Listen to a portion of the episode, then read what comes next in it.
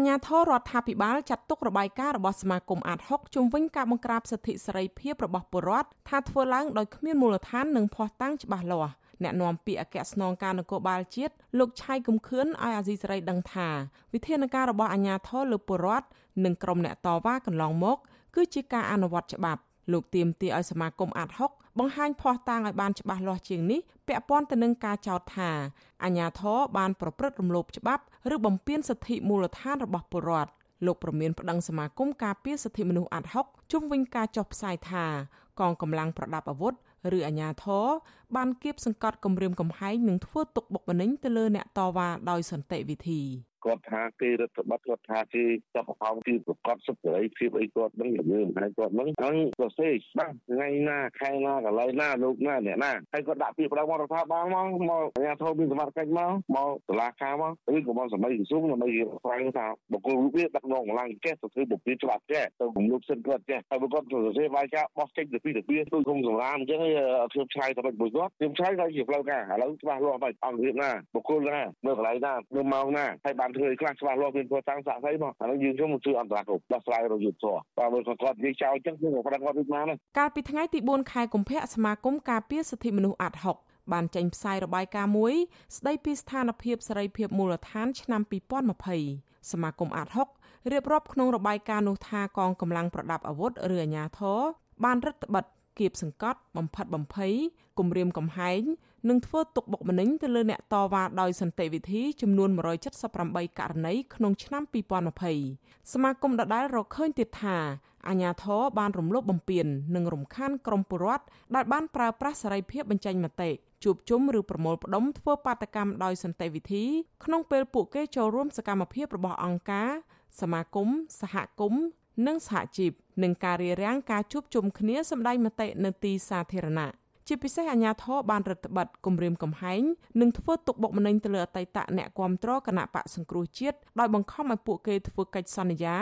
ឈប់ចែករំលែកព័ត៌មានក្នុងបណ្ដាញសង្គមព្រមទាំងមានករណីប្រើហិង្សាពីជនមិនស្គាល់មុខនិងការឃាត់ខ្លួនសកម្មជនមួយចំនួនរួចបញ្ជូនទៅតុលាការដើម្បីចោទប្រកាន់ជាដើមប្រធានផ្នែកសិទ្ធិមនុស្សនៃសមាគមការពារសិទ្ធិមនុស្សអាត់ហុក លោកនីសុខា មានប្រសាសន៍ថារបាយការណ៍ដែលចេញផ្សាយនេះគឺមានភ័ស្តុតាងច្បាស់លាស់ទាំងអ្នកពាក់ព័ន្ធពេលវេលានិងទីតាំងជាដើមលោកបន្តថាសមាគមអាត60មិនបង្ហាញទាំងស្រុងពាក់ព័ន្ធទៅនឹងសកម្មភាពឬទង្វើរបស់អាជ្ញាធរទេ គឺដើម្បីរក្សាសិទ្ធិនិងសវត្ថិភាពជូនអ្នកដែលផ្ដល់ព័ត៌មានទាំងនេះលោកបន្ថែមថាអាជ្ញាធរពុំដែលទទួលយកការពិតឬទទួលស្គាល់របាយការណ៍របស់ក្រុមអង្គការសិទ្ធិមនុស្សនោះទេ លោកស្នើឲ្យអាជ្ញាធរគួរសិក្សាស្វែងយល់និងពិចារណារបាយការណ៍នេះទៅនឹងការអនុវត្តជាក់ស្ដែងរបស់មន្ត្រីមូលដ្ឋាន